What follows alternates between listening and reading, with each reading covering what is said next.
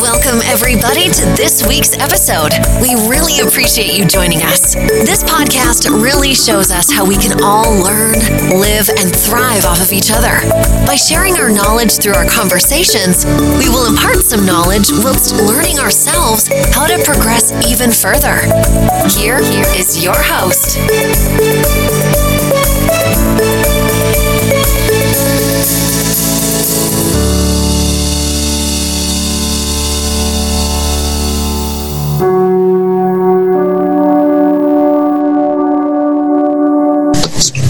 Assalamualaikum warahmatullahi wabarakatuh. Kembali lagi bersama Ngelem Podcast Masih bersama saya Sumo Wijoyo.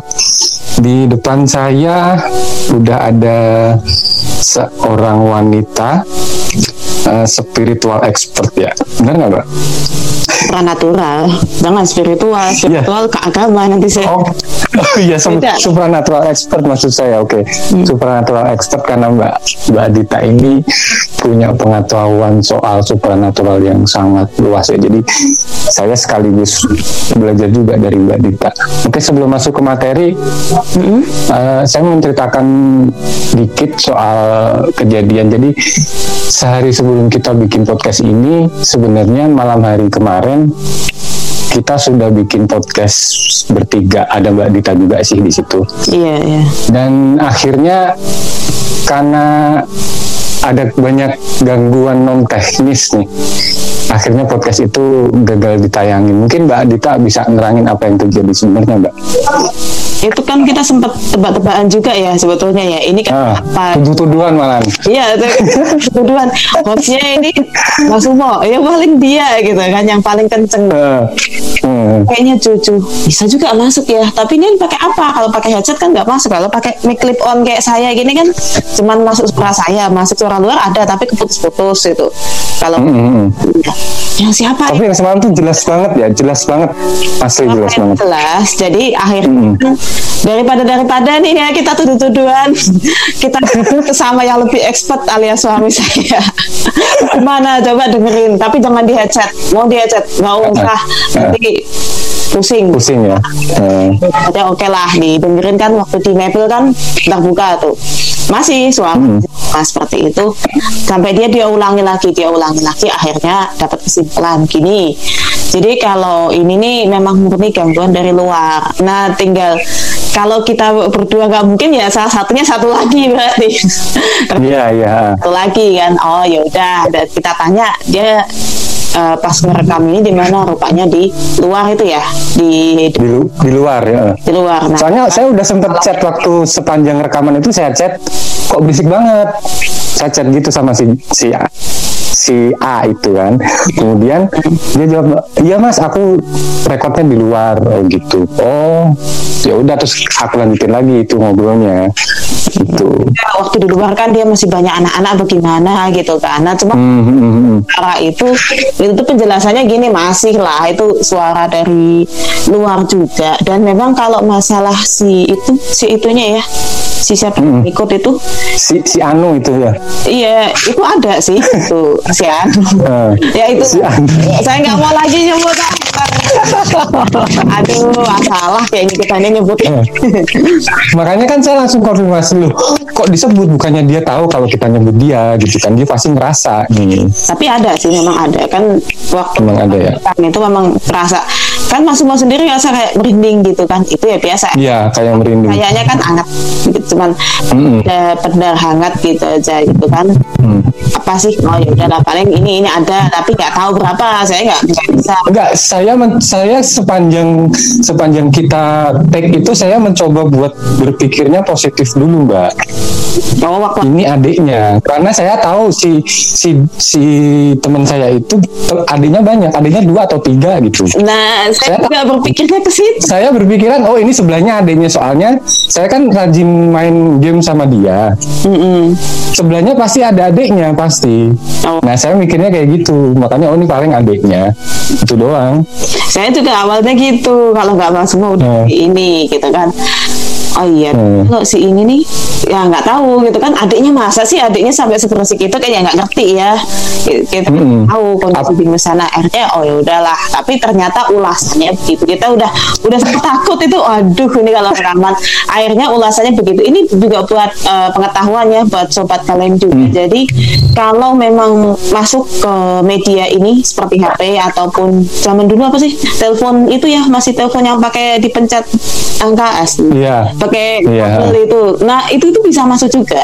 Jadi lewat gelombang, ya apa? Mereka maksudnya tuh ada gelombangnya. Dan itu tuh berdenging gitu di telinga itu. Jadi, Iya. Jadi media digital cenderung lebih sensitif ya Mbak ya dengan energi kayak gitu Mbak ya. pertama sensitif, yang kedua bisa merusak loh mas. Karena ada ini Oh, salah satu cerita juga dan itu pas masuknya ke HP kan kita pikir tuh makhluk kayak gitu kan nggak tahu ya HP atau apa gitu tahu loh mereka. Mm-mm. Tapi mereka mainnya kan tuh tadi main di frekuensi, main di gelombang. Jadi Main di frekuensi. ganggu. bahkan kita setelah rekaman pasti maksudnya masih pusing gitu. Maksudnya, aduh kok ini saya nggak kena kan, tapi tidak terlalu efek. Nggak tahu gimana kan karena ada yang netralisir di sini. Kan kayak gitu, itu bakalan masih masuk. Kalau seandainya bener udah gitu yang masuk kan kemarin jelas ya suara ini kan didengerin sama sama. Ya suaranya tuh Iya, cuman si dia malah justru nggak nggak ngeh kalau si dia tuh kerekam suaranya. Soalnya waktu saya tanya yang halo semalam siapa? Lah, nah, dia juga jadi bingung mbak.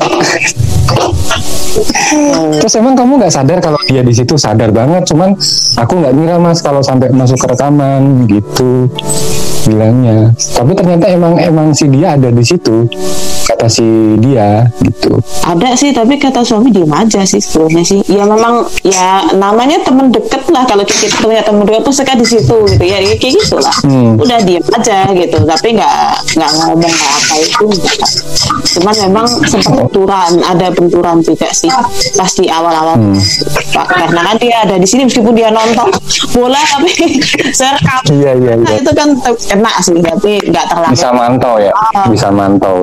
tahu makanya kan disebut nama aslinya tuh ternyata ini gitu kan Tadi kan nyebut Hmm. kan saya nanya kenapa sih bang harus disebut itu jadi untuk nyamakan ketika nanti kita eh, rekaman lagi ya bertiga kan ada lagi itu Hmm. nggak akan terlalu ini atau dianya yang pergi atau saya yang cari tempat ini tempat lain Oh gitu. Ah, ah, ah. nggak akan apa ya tabrakan kemarin tabrakan sih sebetulnya sih makanya kerasa Sabaran banget. Energi gimana gitu kan. Tapi dianya juga nggak ganggu kok yang di siapa? Yang tadi kan ditanya juga itu nggak halu kan? Bener kan berarti? Iya nggak halus. karena kan saya kan juga bilang ini nggak halu sih si itu gitu kan. Suami juga Emang bener, emang bener dia punya gitu kan? memang memang ada gitu. Tapi kalau di Memang ada. punya nggak masuk. Cuman kalau soal itu tadi balik antara bakat mata ketiga sama warisan ada gitu. Mungkin bisa ketiga itu. Bisa ini itu sih. Eh, kan jadi biar pada tahu kalau kayak gitu tuh tetap bakalan masuk. Bahkan TV pun masuk kok. Dia masuk. Gel- Gelombang TV masuk ya? masuk. Dia bisa ngaruh juga sih. Ngaruh ke kita. Salah satunya ngaruh ini kalau nah kalau misalnya kita nonton tuh terus kita ke pernah pengaruh. Jadi kita lepas dari TV jadi kayak nonton terus tapi ah itu itu Kayak terhipnotis ya? Ah, itu kalau nggak salah masuk masuk gelombang tuh tahun berapa ya? Itu ada yang ini. Bahkan si teman suami dulu tuh itu kejadian itu sampai gosong loh mas. Ini peralatan segala peralatan di rumah dia gosong mas. Karena dia Uh. nekat telepon. Jadi yang dikasih nomor nih suami kan gitu. Ada Heeh. memang sama makhluknya dikasih gitu. Ini nanti Hmm. ya di inilah kayak kita nge-save kontak itu ya di save lah di HP gitu kan. Tapi nggak pernah Hmm.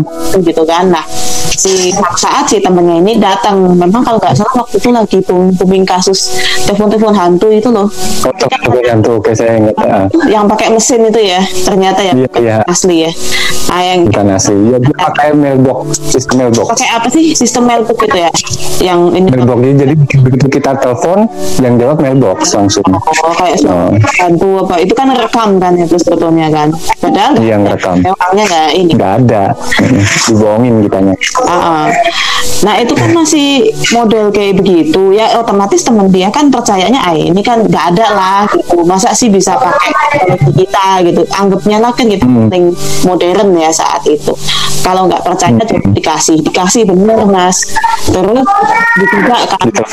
Iya, tapi dia kayaknya masih inget nih nomornya, cuma saya nggak berani. Nanti di Oh, nggak berani pendengar. Nanti ditelepon lagi. Iya. Tak semua bener sih begitu telepon. Jadi suaranya itu ada dia gitu tapi kayak apa sih? Apa? Bukan kata dia itu bukan benar. Apa bilangnya ya? Jadi Feedback atau mungkin ya. uh, uh, halus udah gitu kayak mantul. Halus tapi mantul. Hmm. O-nya tuh panjang Gitu. bener nah pas O-nya panjang bener itu kan di ini kan tahu-tahu ada kilat Nyamber. astagfirullah ada Jadi kayak di film dramatis itu mbak. ya? ini kok tiba-tiba Z gitu di HP gak enak makanya tadi headset beli Hmm. ah jadi Nah, gini mbak, kenapa saya sambungkan sama materi malam ini sebenarnya. Ah, ah. Saya mau bertanya lebih dalam nih soal dunia-dunia mereka, dunia-dunia alam alam halus atau alam gaib, alam gaib dan sebagainya. Sebenarnya Mm-mm. dunia mereka itu seperti apa? dunia mereka dunia Mm-mm. mereka itu pada dasarnya mereka itu punya kasta itu dalam kehidupan mereka ya dan sudah gitu Mm-mm. saya yang pernah jelaskan di IG-nya podcast lintas dimensi itu kan ada Mm-mm. sedikit bahwa jin itu ada tiga golongan tanah golongan air atau yang di laut itu sama satu Mm-mm. udara yang di atas Udara. tinggal di alam Mm-mm. itu.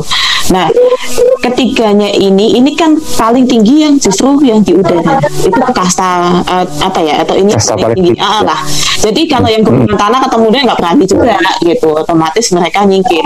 Tapi bukannya Oh, tidak punya kasta yang ini lagi beruntun lagi ada lagi juga kastanya dari yang paling tinggi banget sampai rendah ada juga yang udara Hmm. yang laut sama Hmm. tanah juga sama Hmm. tapi ketika ada yang mereka kan kriminal tuh gitu ya ini kriminalnya Hmm. di kayak kita mencuri atau apa ya ya nggak tahu ya saya kriminalnya mereka gimana salah satu kriminalnya mereka itu adalah dengan mau bekerja sama dengan seorang paranormal atau dukun untuk melakukan kejahatan. Salah satu ini ya salah satu bentuk kriminal ya.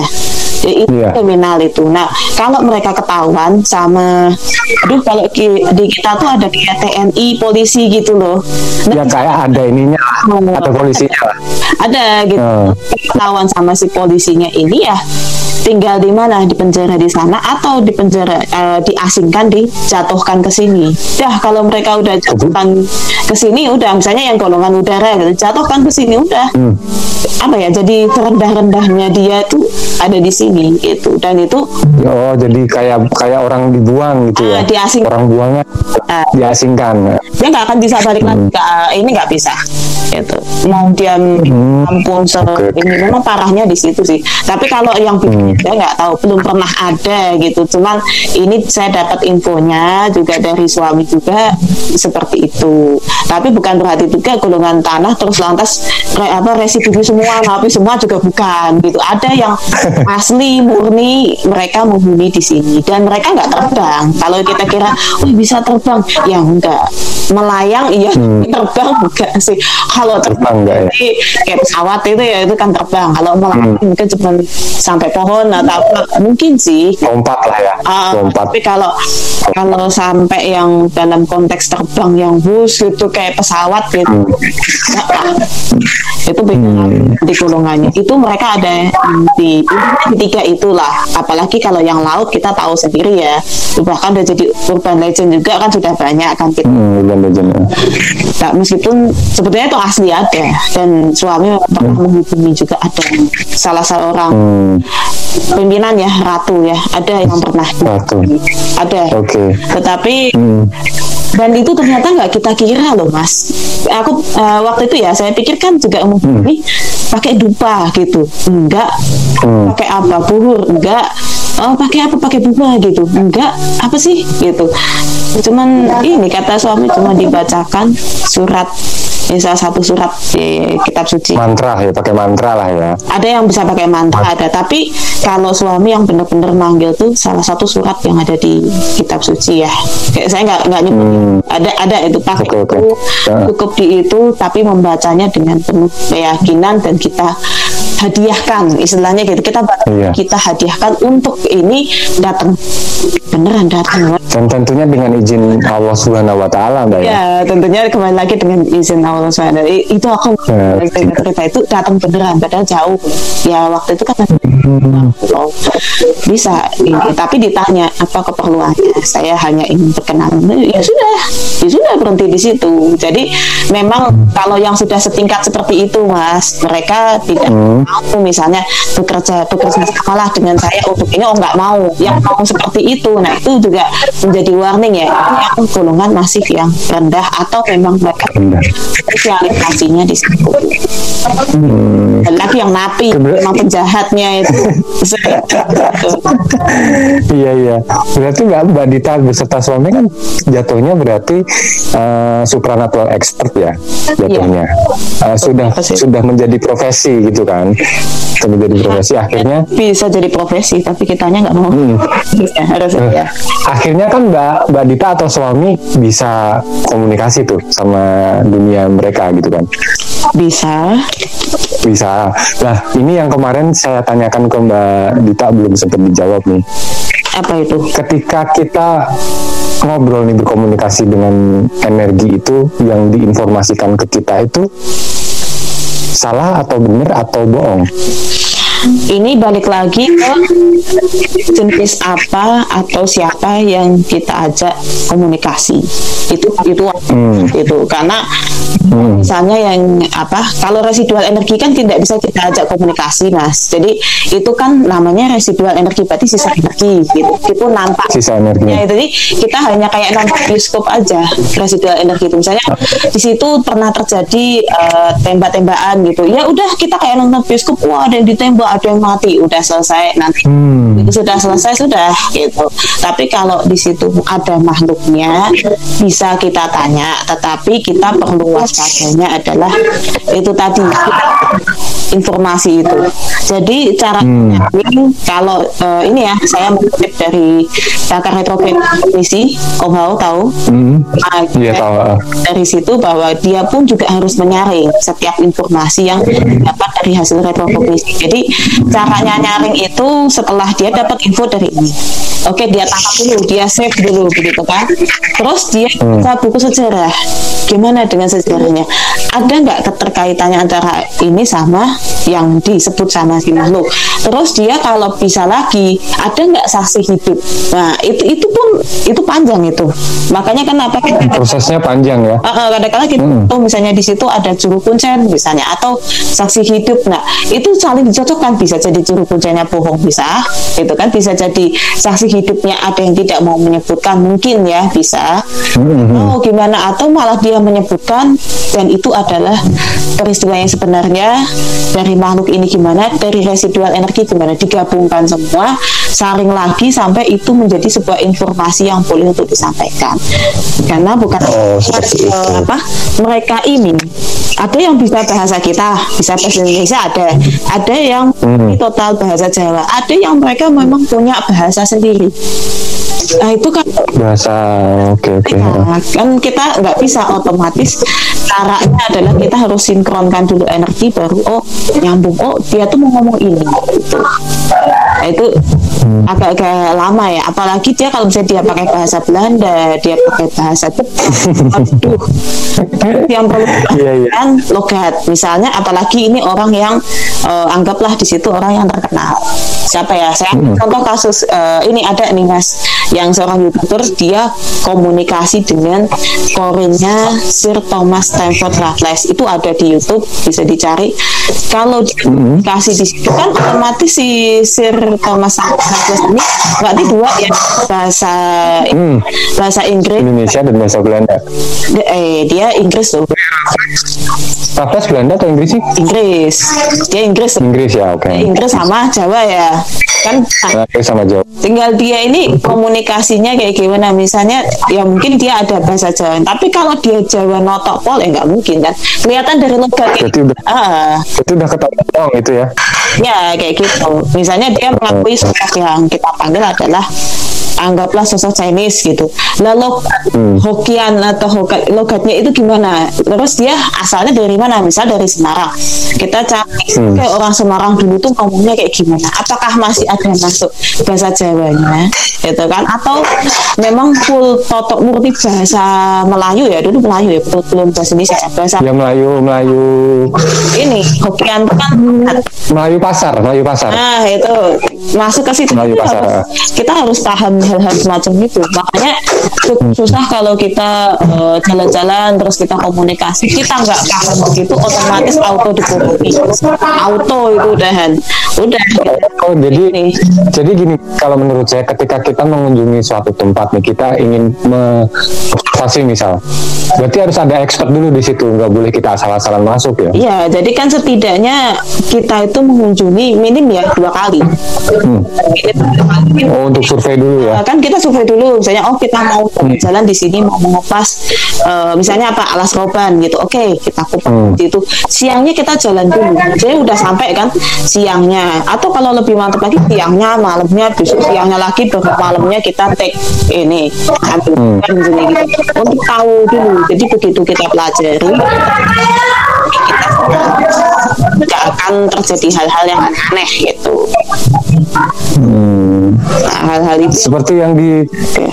yang dilakukan Om Ho kemarin waktu ke Wonderia mungkin Mbak Dita juga udah nonton mm-hmm. dia ke sana tuh berapa kali ya si sore sore siang siang menjelang sore kemudian malamnya mm-hmm. kemudian malamnya lagi jadi tiga kali jadi tiga kali lagi ya ada lagi ya uh-uh.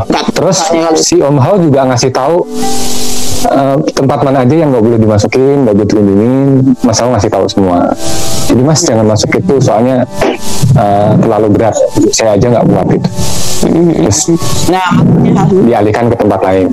Hmm. Karena kalau Om kan sudah halus ya, jadi dia udah udah menguasai. Makanya di bidang apa dibilang expert itu, ya itu karena dia menguasai. Makanya saya nggak pernah kalau mau kan saya nggak maksudnya nggak termasuk expert malah superhuman maksud saya menurut saya malah. Tapi mas, dia mas juga, juga ada belajarnya juga sih mas. Maksudnya untuk iya, nggak maksudnya keluar. Ya dia pasti belajar. Kemudian kemampuan itu kan memang udah ada, makanya dia kemudian mempelajari lebih dalam gitu. Ya. Jatuhnya sih menurut saya super super human mbak. Sesuaikan sesuai umur dia, begitu dia berani ini baru. Jadi kan bukan bukan apa ya hal yang sebentar gitu. Dia bisa menguasai itu. Memang. Iya sampai di titik ini kan memang butuh waktu panjang ya butuh belajar. Nah itu dia, juga. dia terus belajar. Nah itu utamanya itu sih terus belajar juga. Saya juga seperti itu misalnya jelaskan begini ada yang salah kan hmm. saya minta sama suami ada nggak koreksi kadang hmm. juga oh iya makanya podcast kan nggak ini kadang kan tak sodori dulu skripnya dulu oh bentar gimana oke okay, masuk hmm. Kalau aku emang jarang nggak pernah malah nggak pernah pakai skrip karena biar emosinya dapat oh. karena kalau kalau nulis baca kemudian akhirnya lepas gitu fokusnya kalau kalau saya kalau saya jadi lebih enak ya udah alami begini aja pertanyaan muncul dari jawaban-jawaban Mbak Dita malah. Hmm, kalau saya memang selama gitu. hostnya atau masuk atau siapa pun kembali tapi hmm. ini ngomong kayak gini saya juga merekam ah lari ke mana pernah saya monolog pernah saya monolog waktu itu 15 menit monolog 15 menit juga tanpa skrip jadi pengen banget ini monolog harus ada yang aku ngomongin udah aku ngomongin semua di situ. Gak lama sih cuma 15 menit. Cuman ya itu emang saya lebih nyaman tanpa skrip sebenarnya. Gitu. Tapi kalau memang mau pakai skrip ya ayo nggak masalah. Gitu. Kecu kecuali untuk untuk materi-materi yang tinggi atau yang saya belum begitu pak nggak begitu menguasai oke okay lah kita pakai skrip gitu. untuk bahan bahan pertimbangan. Oke oke oke. Terus kemudian yang saya tanyakan lagi untuk masuk ke dunia mereka kan kita butuh kemampuan nih. Butuh kemampuan. Kemarin mbak Dita udah jelasin masalah indigo. Oke indigo itu uh, kesimpulannya bakat yang dibawa dari lahir kan ya? Dari lahir dibawa dari lahir dan mereka menyadari mereka menyadari bahwa dia indigo dan dia tahu fungsinya sebagai indigo itu apa? Sebagai sebagai penghubung misalnya iya. Kemudian yang nggak punya indigo nggak? Itu gimana caranya? nggak ada. Kalau misalnya eh, ditarik garis ke belakang itu atau sih itu kalau indigo loh ya. Jadi kan dia sudah tahu saya oh tugas saya adalah selama hidup melakukan ini dan saya memang ada kemampuan ini sudah gitu. Jadi dia komunikasinya langsung. Langsung ke Tuhan langsung ke ini enggak ini. Hmm. enggak. Tapi kalau dia masih mencari-cari itu bukan masih gitu. Kalau itu sudah langsung. Ya tapi gini juga sih mas. Ada nggak enaknya juga? Makanya kan saya selalu sebutkan ada nggak enak ada nggak enak salah satu nggak enaknya adalah kehidupan mereka yang dibilang unlucky apa ya dia beruntung lah. Dan mereka mesti usaha yang kenceng benar baru bisa gitu. Hmm, oke oke. tentang ya akang benar untuk terhubung terus. Jadi apa ya kalau kata orang Jawa kan mas gitu ya. Ya Ngenes, eh, miskin itu bukan sih tapi ngenes dalam artian ada nggak aja gitu tetapi Tapi kan serem mbak, emang serem loh ketika kita melihat sesuatu tanpa kita punya tanpa kita punya pengetahuan itu dan tiba-tiba lihat dan yang dilihat tuh sosok-sosok yang nggak baik kan serem mbak kalau tiap hari lihat. Kalau orang yang nggak nggak artinya nggak punya bekal ilmu atau nggak pernah belajar atau nggak punya informasi soal ini ya gitu. itu yang dialami juga sama indigo ya seperti itu sih mas sebetulnya karena kan Hmm, yang dia, dia berlatih gitu jadi apa ya kalau kayak kita ingin jadi seorang kesatria dia berlatihnya itu dengan boneka-boneka yang ya, anggaplah penangkapan boneka-boneka yang ada di depan dia itu terus gitu. Sampai dengan yang mentok ternyata ketemu yang asli dia ngelawan kayak gitu. Jadi dia lepas lah label ego ini sudah. Dia mulai gitu. Benar-benar eh, fighting yang sesungguhnya ya istilahnya gitu. Ketika dia hmm, nampaknya seperti itu. Ini begitu dia sudah. Lepas udah makanya nggak akan kelihatan. Itu dia sudah lepas kan nggak sudah biasa dengan yang dilihat. Dan itu melatih ini juga ya dari yang pertamanya nggak enak dilihat sampai paling enak gitu yang nggak serem lagi. Gitu hmm. Oke, kemudian ini. Eh, untuk menjadi oh bukan untuk bisa melihat kan butuh mata batin tuh mbak. Itu gimana dipaksa keluar atau melewati proses-proses tertentu atau dibukakan atau seperti apa mbak? kita perlu bedain dulu mas. Mata batin dengan mata ketiga. Itu beda.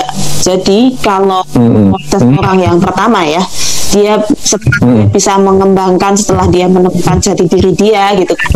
Eh, manusia normal ya awam ya bukan yang indigo ya Hmm. itu dia kan proses. Dia ternyata ke dunia spiritual terus dia latih sampai akhirnya mata ketiga itu kebuka. Kalau di manusia itu kan mata ketiga sampai dengan mata kesembilan. Mata kedua ya ini ke, ini satu dua mata kita dua gitu kan. Ketiga Hmm. di antara alis sampai dengan yang kesembilan terus naik. Kalau sudah sembilan itu sudah mentok biasanya dia di ini. Kalau langsung kau tahu apa tuh uyang-uyang apa itu kalau orang Jawa bilang Unyang-unyang, unyang-unyang. dari situ Hmm. keluar energi itu langsung ke, ke arah jadi ke atas ya ke Tuhan itu kan lurus. Oh, kita ngerasa gitu itu bukan pusing. Kalau masuk mau kadang pernah ngerasa begitu wah itu waktu yang bagus kalau untuk sebelah langsung sampai itu nggak akan kehalang. Sering aku mbak. begitu sudah Jadi- terus gitu. Wah itu kata orang itulah waktu yang pas itu bukan pas. Beberapa be- beberapa tahun ke belakang nih empat tahun ke belakang mungkin. Sering banget terasa kayak gitu dan lama mbak. Mungkin sekitar 2 sampai tiga hari baru sembuh. Sering banget. Cuman saya nggak tahu yang saya rasakan itu apa sampai sekarang. Aliran Gitu. energinya besar tetapi juga harus hati-hati juga Oh. sih mas. Maksudnya itu nyedot bisa nyedot. Kalau kita Hmm. itu kita pas pas ini kebuka begitu malah kita galau. Wah yang lain yang dekat karena itu nyedot otomatis nyedot makhluk lain. Kalau jadi ini ya jadi magnet malah ya. Lu untungnya nggak galau kan dua hari enggak enggak. Kalau ini sakit banget pusing. Pusing. Galaunya karena pusing karena ngerasain. Oh. Se- se- sekali apa sem- se- semua kepala. Itu rasanya nggak karu-karuan. Dan ya sering lah pokoknya. Butuh waktu lama buat buat balik ke normal lagi butuh waktu. Itu itu kalau sudah seperti itu wah itu udah bagus. Berarti kita tinggal sering melatih aja untuk ini eh, supaya cepat terbentuknya. Jadi oh, itu mau kita di tempat mana pun berbuka langsung nyambungnya cepat. Jadi kalau kayak kita nggak pakai roaming ya provider nggak pakai roaming dosa. Itu langsung nyampe. Hmm. Ah, itu sangat- perlu kode kode khusus apa enggak sih mbak? Ke masuk ke sana mbak? Butuh kode nggak? Ke mana masuk ke dunia mereka. Oh masuk ke dunia mereka. Ya balik lagi ke kita Heeh. dong. Karena kan gini ya.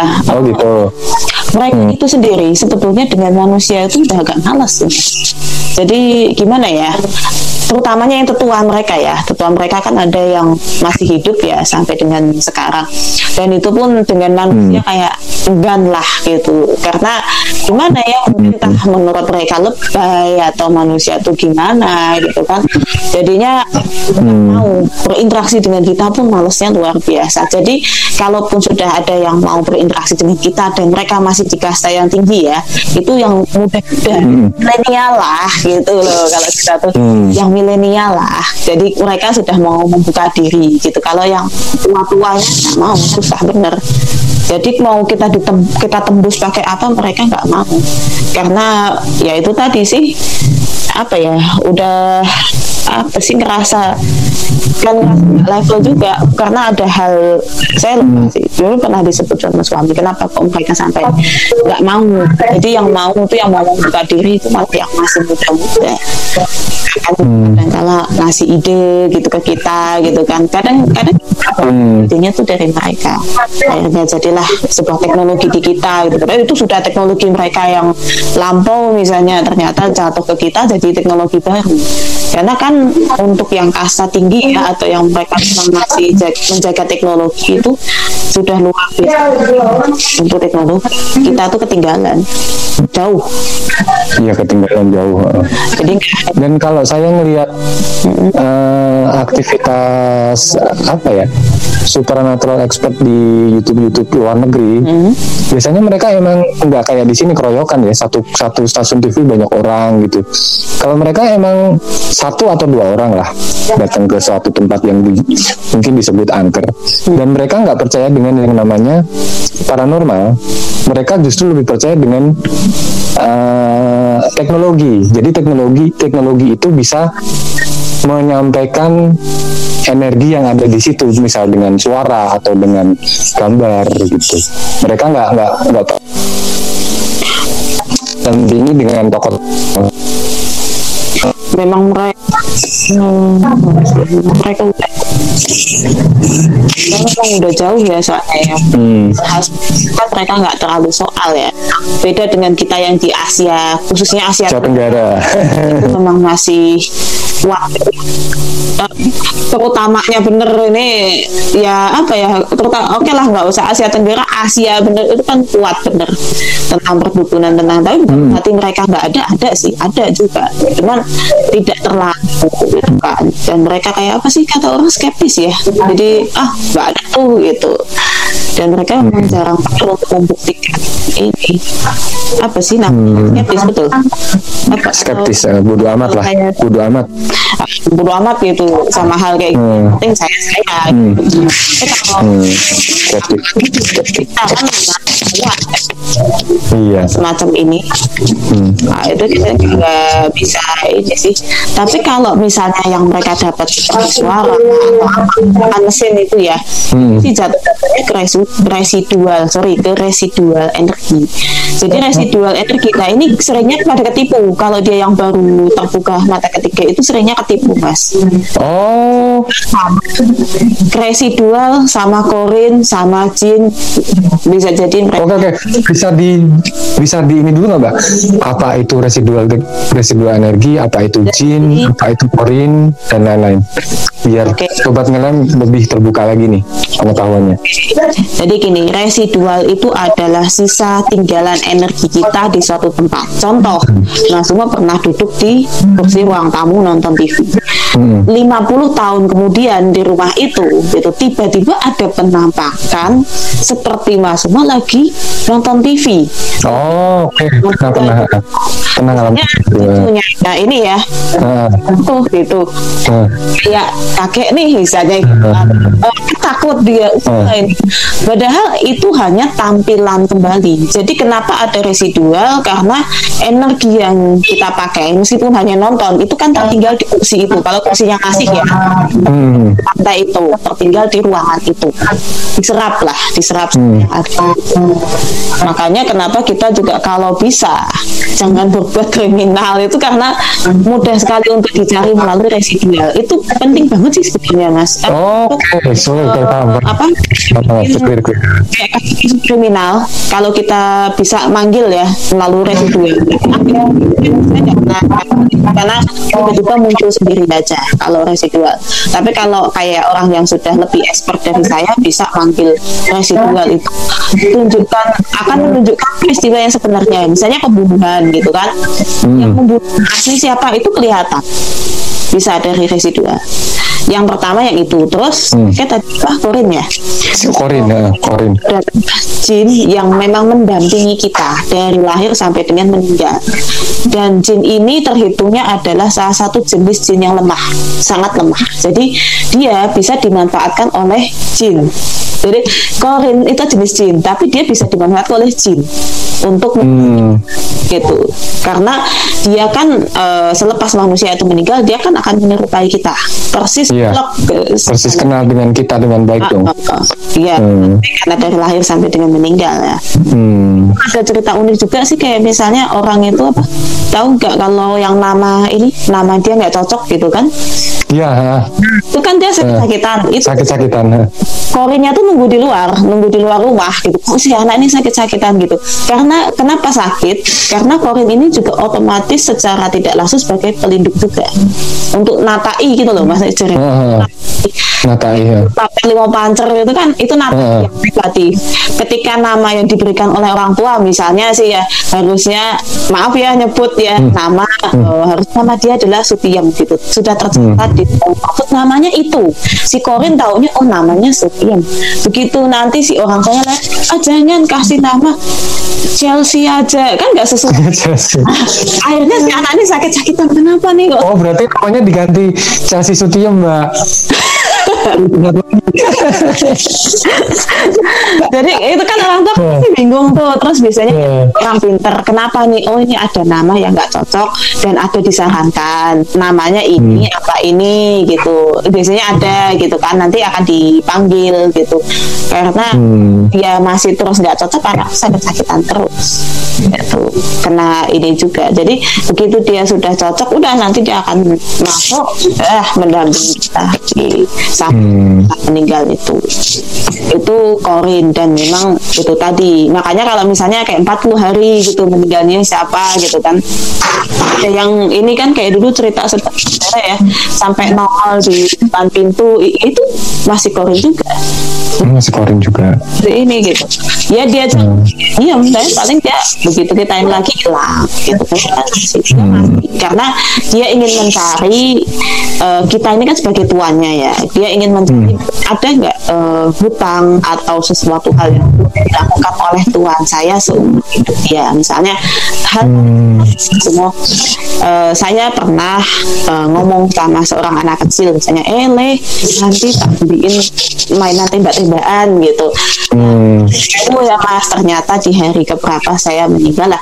Itu belum terlaksana. Nyun sewu ya bukan ngalup ya. Hmm, hmm. meninggal hmm. ternyata itu belum terlaksana saya belikan mainan tembak-tembakan itu nah bisa hmm. di situ ini bisa si Korin ini ngomong ke keluarga saya kalau belikan sesuai janji si tuan saya yang belum terpenuhi kepada anak hmm. itu nunjukin dia akan ngarahin gitu atau ada juga kalau dia hanya sekedar ketemu ya kalinya akan pernah ada peristiwa gitu juga dan ternyata orang udah meninggal tapi si hmm. tahu ada kalau hanya ketemu tetapi kalau untuk membelikan kan dia agak susah ya untuk memenuhi hmm. keluarganya ini untuk memenuhi tolong dibelikan sudah kalau itu sudah terpenuhi otomatis si bisa kembali ke alamnya dia punya alam sendiri jadi ini sekaligus menjelaskan ya nanti termasuk yang jin juga ya kalau jin nggak usah hmm. ya terlalu mendalam yeah. di uh, jin itu kan juga beranak sama seperti kita. Hmm. Ya bereproduksi juga mas itu. Hmm. Enggak, mereka bereproduksi dan sekali mereka melahirkan itu jumlahnya 12 banyak. Nah di antara itu memang tidak semua kelahiran jin ya, tetapi ada di antara itu salah satu anak jin gitu ada yang nggak hmm. nampak mas udah jin tapi nggak nampak gitu tapi hmm oh ini ada. Saya tuh punya anak yang ke-12 gitu. Ini anggaplah anak yang ke-12 gitu ya. Hmm. yang yang 11 sempurna jin sempurna kelihatan semua menurut bapaknya hmm tetapi yang ini yang ke-12 kok kayak bayang gitu loh nah, si bapak hmm. ini udah nyadar berarti ini ya betul itu anak dia tetapi tidak bisa ikut bersama si bapak dan ibunya di alam jin sehingga si bapaknya akan ngantar si ini untuk dibawa ke alam korin jadi akan ketemu kayak ibu asuh gitu di alam itu hmm, okay, nah, okay. Oh. istilahnya ke panti asuhan gitu loh hmm. kita bilang iki aku nitip yo anakku di asuh nah misalnya hmm. lo untuk tugas sama ya nanti kan akan hmm. itu asuhnya dan ketika di situ mereka akan ya berkembang seperti biasa sampai dewasa kemudian mereka akan menerima tugas ya tugasnya adalah tadi kayak diberikan bukunya tak kayak kitab gitu ikut hmm. yang namanya di sini nanti dia akan membuka oh namanya Dita Arin nah ikuti hmm. Dita Arin nunggu dia lahir gitu oh udah hmm. Begitu dia apa namanya ditarik lahir kemudian si turunnya akan ikut dan hmm. ternyata itu dikasih nama ditarik juga ya otomatis yeah. ikut. Nah kayak hmm. gitu itu seperti itu. Jadi kan okay, okay. mulai jelas ya. Mulai jelas mulai jelas jelas. Banyak pengetahuan kan? Banyak banget bukan soal pengetahuannya coba coba coba ngelem jangan bersesat jangan pernah berasumsi kalau makhluk-makhluk semacam jin itu melakukan hubungan perkawinan seperti manusia. Jangan pernah berasumsi seperti itu karena kita tidak tahu cara cara apa mbak namanya mbak. Cara mereka berkembang biak seperti apa kita juga nggak pernah tahu, nggak pernah. Kita nggak Makanya jangan pernah berasumsi mereka melakukan berkembang biak seperti apa. Jangan pernah berasumsi seperti itu karena yang sering ditampilkan oleh youtuber-youtuber yang konten hantu, hmm. saya sering mbak melihat konten-konten dua dua makhluk halus itu sedang melakukan ini ya maaf ya sedang kawin mbak. Saya miris satu miris dua tuh geli sebenarnya. Ya betul. Apa itu mereka melakukannya? Itu kan kita nggak tahu. Ya, ya itu urusan makhluk hidup tabu. Maksudnya ya. tunjukin gimana caranya. Ya elah gitu kan. Ya gimana ya? Ya kita kalau di kayak gitu juga nggak mau. Makanya jangan pernah berasumsi jangan pernah berasumsi cara berkembang biak mereka seperti apa jangan berasumsi karena itu nanti karena asumsi itu sangat berbahaya. Berbahaya banget berbahaya banget. Jangan sampai berasumsi. Kalau mendingan itu ya mas mendingan cari pengetahuan cari cari ilmunya cari pengetahuannya bagaimana sehingga pikiran kita jadi terbuka soal itu. Benar gitu mbak ya? Iya tapi maksudnya kalau kayak yang itu loh mas. Tahu membo atau mirip-mirip kayak yang kasus yang dikata ternyata itu makhluk itu gitu kan? Hmm, hmm, hmm. Itu ada sih memang ada ya tapi ya ya sudah sih nggak usah terlalu yang cuman kadang kan kalau film horor itu terlalu di ini ya dramatisir ya dramatisir lah lebay ini gitu karena hmm. kita tahu juga begini kan elemen penyusun kita kita kan tanah murni hmm. Lah mereka api. Jadi Api. kalaupun dikata orang tuh wah ini api sengair dari ini. Kita kan pikir loh ini gimana caranya gitu. Tanah ketemu api tanah ketemu api apinya mati, Iya, mati. gitu. Atau Apinya mati. tanah, apa, tanah tapi di atasnya api. Apinya kan jalan gitu. Ya gimana? Hmm. Nah, logika aja nggak masuk maksudnya kan saya apa ada? Gitu. Dulu pernah ada ini saya juga punya ini kan sama suami mengelola grup ya di FB itu. Hmm. Hmm. gitu ya. Yang ngeyel gitu bahwa ada loh seseorang yang bilang bahwa melakukan pernikahan. Nah itu caranya gimana? Ya mungkin ada mas. Saya ini ya mungkin ya. Karena kita nggak tahu itu hal-hal yang tanda kutip di luar kuasa kita mungkin ada kembali itu Hmm. izin Allah tentunya tapi kalau misal apa dia ngaku aduh, itu berat sih. Berat lah maksudnya bisa iya bisa enggak. Atau jangan-jangan dia jomblo akut gitu kan jadi ngaku aja gitu. Sebetulnya dia ada. Oh, pura-pura settingan gitu maksudnya ya. iya maksudnya itu gitu gitu. Pura-puranya sama sama jin padahal nggak sama siapa-siapa gitu. iya ya halunya dia. Tapi saya pernah sih, saya, saya pernah pernah dapat informasi kayak gitu dan benar-benar dirayakan besar-besaran, Mbak. Ada sih memang ada. Makanya Ada itu ada. apa eh, kembali lagi ya kita itu tanda Hmm. kutip kita nggak tahu kalau memang masih bisa ini secara logika manusia ya mungkin gitu dan pastinya orang yang memiliki siksen ataupun yang mata batinnya sudah kuat pastinya kan bisa melihat si anak itu tetapi kalau Hmm. enggak lah dia tetap anaknya nggak kelihatan dong mas meskipun ini apa terus kelihatan gitu ya enggak kalau Hmm. ya ini mung- mungkin ya mungkin ada Hmm. harusnya dia tetap nggak kelihatan bạn. Ya iyalah kayak gimana juga. Nggak usah mikir aneh-aneh kadang orang suka cari sensasi. Intinya kalau kita dengar itu oh ya sudah gitu nggak usah tentang nggak usah. Ya malah kita jadikan oh oke hiburan aja. Kalau saya gitu itu aja. Daripada kita pusing-pusing kan. Ngapain ngurusin ini? Mending kita Iya, konten ini. Mending ngurusin podcast.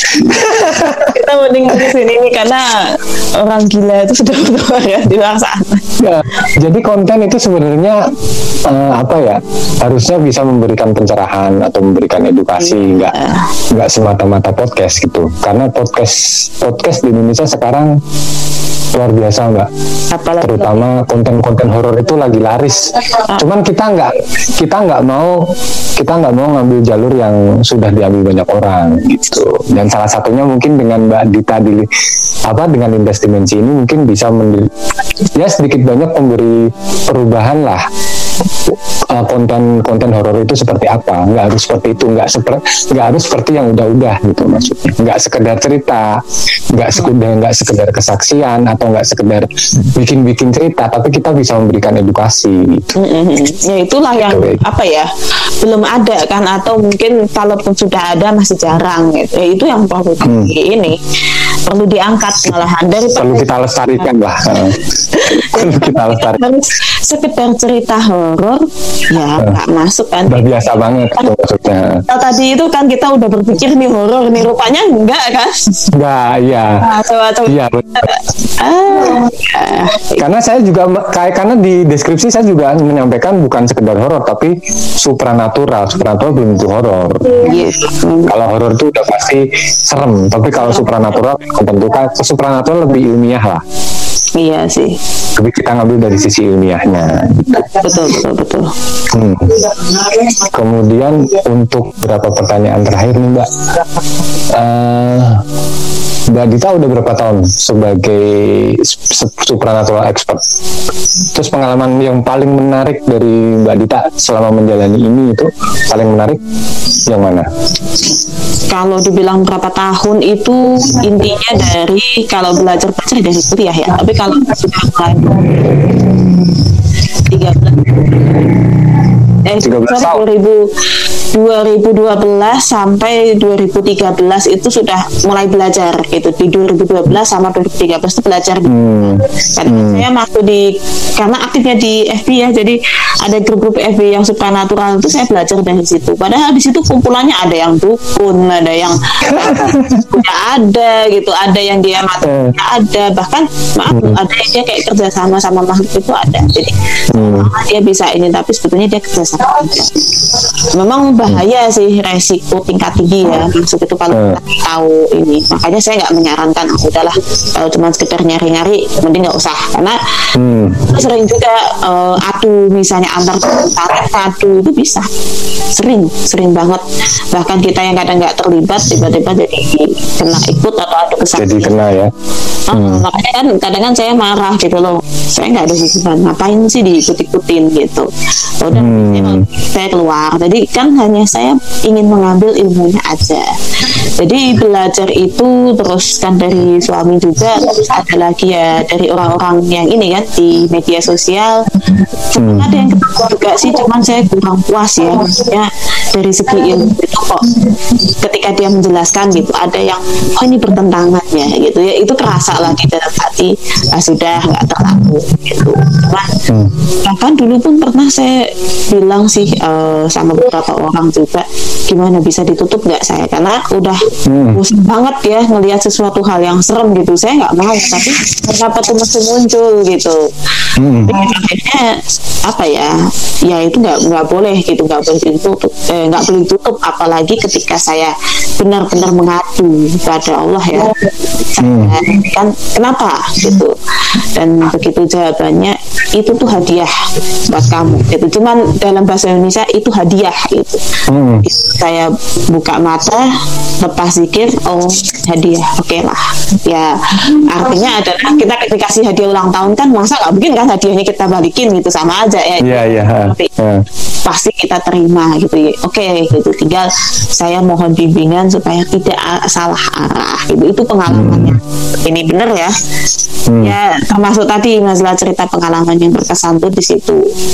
Tapi memang yang paling parah itu mas eh, ini pengalaman ya maksudnya pengalaman supernatural atau pengalaman Pengalaman pengalaman selama menjadi expert ini bukan bukan di luar expert ya. Yang selama di expert kan artinya Mbak Dita ketemu dengan banyak orang. Hmm, ini ya. ketemu banyak banyak keluhan-keluhan itu maksud saya. Oh, Gitu. mulai mulai yang itu ya. Ya Ah. mulai ketemu keluhan itu setelah saya jadi tarot reader. Begitu saya Oh atau tidak? Ah. Uh, kan kan saya maksudnya nanya sama diri sendiri sebetulnya arah tujuan hidup saya mau ke mana gitu. Apa saya mau jadi nantinya jadi pegawai yang sukses gitu. Sebelum kita nggak tahu Hmm. ada pegawai sukses.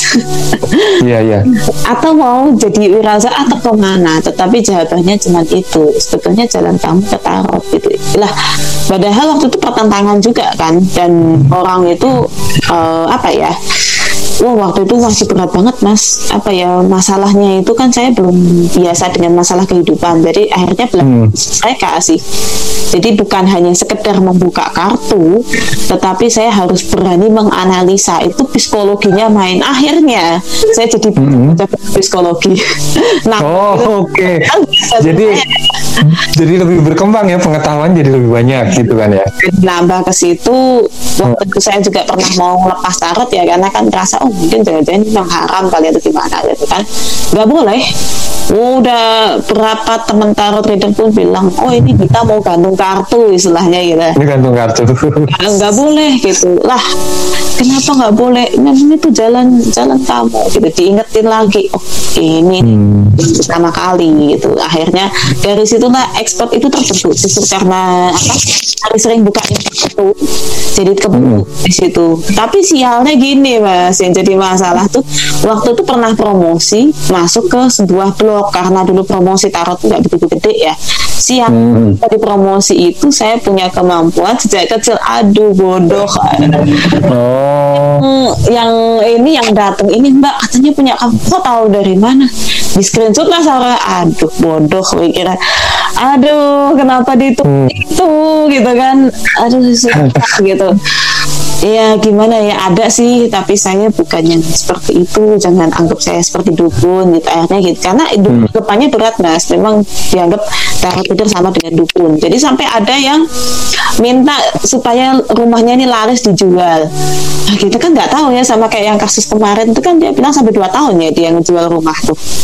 Yang dua tahun atau tiga tahun gitu. Ah, baru- dua sampai tiga tahun. Ah, baru kejual. Kalau si dari kasusnya ini salah satu klien dulu ya itu kan Hmm. katanya masalah. Mungkin bisa jadi ada masalah itu. Yang kedua dia kan di tempat yang banjir. Ya orang tuh males beli lah. Bayangin aja mas. Ini kan arop gitu. Ya Hmm. dikit-dikit kena arop kan males ya. Maksudnya ya segala peralatan. Oh tinggalnya di utara sono berarti? Iya tapi bukan di Pulau Jawa sih. Di ini Pulau Hmm. Sumatera dia tuh. Oh di Sumatera. Sumatera. Ya cuman di ininya mana nggak ngerti. Itu maksudnya hmm. Pak loh Pak, maksudnya di kota mana tapi begitu dibuka di kartu tarotnya ini nih tempat yang sering kena air gitu kena genangan air. Ya orang males. Pasti kan kita menghindari perumahan yang semacam itu kan murah jelas Iya, iya. rumah itu tapi itu tadi resiko nah itulah dari pengalaman apa ya yang paling ini sih yang itu sih malahan sih. Menarik ya. Oh, antara marah sama gimana gitu akhirnya kan saya bilang saya nggak bisa melakukan ini bu. Saya bilang gitu. Hmm. bukan dukun. Ya. Saya dukun. Saya tarot reader nah itulah yang saya maksud. Saya ini. ke gitu. Bahayanya sebuah asumsi itu kayak begitu mbak. Nah itu. Karena mengasumsikan akhirnya ketemu dengan yang bersangkutan akhirnya yang bersangkutan nggak setuju kan? Nah itulah bahayanya asumsi. Mendingan tanya langsung. Mending ta- cari cari infonya cari informasinya dulu dari yang dalam baru kita mengutarakan. Kayak gitu nah, gitu. Tapi biasanya profesi-profesi kayak mbak Dita gini kan banyak pertentangan mbak. Terutama di keluarga mbak. Ada nggak pertentangan kayak gitu mbak? Di keluarga itu dan kartu saya sudah banyak hangus nggak tahu ke mana maksudnya mas itu. Tapi akhirnya kan setelah saya pikir-pikir ah udahlah sempat berhenti terus diam dia lagi.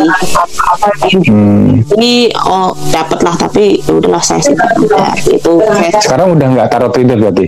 Masih cuman Masih. eh, apa nggak promosinya nggak segencar dulu nggak dulu kan gencar. Karena keluarga itu dulu masih mendukung cuman entah kenapa kok tiba-tiba jadi nggak mau. Hmm, ya itu pastilah. Oh, apa tarot tarot itu bisa membuka masa lalu orang ya Yang ditakutkan mungkin ada yang ditakutkan ke situ. Ya kalau saya sih ya apanya gitu kan. Karena dunia ramal meramal di Indonesia itu harus banget, Mbak. sangat. Sangat tapi mas Boni di ini ya masih di Jakarta ya Saya masih di Jakarta, Ah, Jakarta Timur. apalagi itu banget tapi kalau Hmm. di kota Semarang nggak jauh karena Semarang itu telat. Ah, Semarang saya bilang Semarang itu trennya Tapi tabu saya pernah nanya sih gimana Hmm. kalau di Jakarta tuh banyak mbak gitu jadi anehnya tuh mereka orang Jakarta tapi yang tinggal di Semarang gitu loh Itu Justru di biasanya Jakarta begini. justru di Jakarta itu eh, pikiran kita jadi lebih terbuka. Soal Itu ketika- itu ya Ya apa pun apa pun itu nggak nggak cuma tarot nggak cuma spiritual tapi banyak yang membuat pikiran kita terbuka banyak banyak banget. Jadi jadi mereka nggak lagi tabu dengan hal-hal seperti itu ya nggak nggak ya nggak tabu dengan hal kayak gitu. berarti biasa banget ya di sana itu Nggak Biasa tahu. banget, Nggak biasa tahu. banget. Oh, Pak Tunana. Karena kalau di sini masih gitu hal-hal yang semacam itu kan mereka ubah banget. Jadinya ubet-ubetan di ini aja gitu. Malah di Jakarta itu ada wisata malam hari mbak. Itu isinya Ada mereka bu- buka wisata malam hari bisa ke tempat-tempat yang dianggap angker gitu ada wisatanya. oh ada ya. Kalau di Semarang masih ada Lawang Sewu, oke, tapi sekarang udah terang banget. Saya ke sana terakhir udah terang banget, udah hilang serumnya gitu maksudnya. Iya sih, lagi pula udah Nah kalau kata Mas Hao, kalau kata Mas Hao itu sekarang yang dulu di Lawang Sewu pindahnya ke sono ke ke Wonderia. kan udah dibuang. Iya dibuangin ke sono semua. ya, gimana? Padahal padahal umurnya umurnya belum lama Wonderia tutup itu mungkin sekitar 8 atau 7 tahun yang lalu kok. Belum lama. Iya sih, kan kan Mulai buka, buka lagi kan, tapi nggak ini. Iya. Kalau kata Masau sih, Iya. kalau kata Masau orang yang lewat itu ngelihatnya Wonderia itu ngantrinya panjang, Mbak. Dulu, Nah, jadi kenapa bangkrut? Ya kayak gitu karena orang-orang lihat antrinya udah panjang. Padahal yang antri cuma dikit dikit sih. Enggak ya kalau saya kok nggak lihat itu panjang bener enggak ya? Pernah enggak maksud panjang. Yang yang antri itu bukan orang maksudnya. Iya tahu tapi yang dilihat dulu kan dulu kan pernah ke situ juga. Bahkan pas pertama kali mereka launching itu ke situ ya. Eh hmm. hari ketiga ya yang rame hmm. bener gitu kan. Emang rame? Itu hmm. apa ya uh, enggak enggak kelihatan apa ini bener kan antriannya. Menjelang menjelang mau tutupnya sempat mampir nggak ah lupa. Kayaknya pernah nah, kalau tapi udah menjelang menjelang mau tutup itu kayak gitu kejadiannya kata Mas Al. Makanya akhirnya nggak nutup operasionalnya gitu. Oh gitu karena orang-orang lihatnya karena orang-orang lihatnya antrinya panjang. Oh. udah enggak Sebenarnya pas mau tutup kalau nggak salah ngajakin si siapa ke situ tapi nggak udah nggak menarik gitu. Ah apa sih gitu? Malah yang waktu pertama gitu. tapi memang tahu sih eh, nggak uh, safety lah di situ tuh. Terutama hmm, karena bekas kuburan kan emang? Bukan bukan itu aja. Peralatan eh peralatan sedang oh ah, permainan itu nggak safety. Ya. kayak itu kok bumbu sih aduh. Apa namanya roller coaster. Eh roller coasternya itu kan pernah naik. Hmm. enggak hmm. enggak ini. Jadi akhirnya kan ada besi itu kan pegangan itu. Hmm makanya ada hmm. ada berita dikata dia terpental atau apa karena dia nggak nggak perhatiin uh, emang saya nggak safety. ini nggak nggak safety. Nggak kenceng. Itu udah dikasih kan tapi kayak kita, kita pakai tali yang ke ini kebuka gitu. Kayaknya diceklek gitu udah bunyi ya. Kalau di tempat lain kan safety gitu kayak di Ancol pernah kan pernah nyoba tuh waktu wisata. Enggak hmm. safety kalau di situ bener. Kalau yang ini enggak itu masalahnya. Jadi kan pernah dulu yang kasus ini kan rumahnya sampai kelempar gitu. Iya. Itu. Sampai kelempar. Oh. Karena itu sih. Harusnya itu hmm. itu ternyata tidak otomatis. Jadi kan orang nggak tahu kalau yang di ini, aduh di mana tuh tuh Surabaya atau mana kayak gitu. Hmm. Otomatis begitu dia mau main kan mau ini langsung nutup otomatis gitu. Nah itu enggak benar. Soalnya saya yang naik ini naik roller coaster waktu itu kan pakai tiket terusan oh, lupa okay. ada ini. Uh, terus jadi akhirnya saya kencengin aja karena pengalaman saya kencengin. Udah pegangannya itu. Dong agak akan kalau yang tuh ya alhamdulillah ya ada. Sampai yang berat aja nggak jatuh juga. Ya enggak masih selamat. Hmm. bisa ngobrol. Bisa ngobrol masih ada kalau ini siapa nanti mau takut jadi okay. Hmm. Oke ini kita udah hampir satu jam podcast. Mm. Terima kasih buat Mbak Dita banyak banget informasi yang disampaikan ke ngelem podcast ini, terutama buat sobat-sobat ngelem juga yang mungkin uh, interesting ya dengan dunia-dunia supernatural atau dunia horor bagi kak, kalian sobat ngelam yang mungkin kurang jelas dengan informasi podcast ini, boleh tok boleh kok nanya langsung ke Mbak Dita. Ke mana Mbak nanya Mbak? Podcast underscore lintas dimensi itu DM aja bisa. Di Insta Instagram ya? Ya itu Instagram. Kalau di FB ya cari aja lintas dimensi itu saya punya grupnya sih. Kalau Kemudian sobat-sobat ngelem uh, ngelem podcast ini nggak nggak cuma di supernatural sebenarnya. Kita ada di romance bisa, di lifestyle bisa, kemudian di friendship juga bisa. Yang punya cerita soal-soal pertemanan, yang lagi jatuh cinta, apa soal gaya hidup boleh di share ke Instagram kita di ngelem underscore podcast. Boleh DM lang boleh DM langsung. Mau join podcast ke kita, mau kolaborasi kolaborasi juga boleh hmm. atau yang mungkin seked bisanya cuma nulis ditulis aja ntar biar ngelem podcast yang baca Oke, sampai di sini dulu podcast malam ini. Terima kasih buat Mbak Dita. Sampai ketemu di episode-episode yang lain.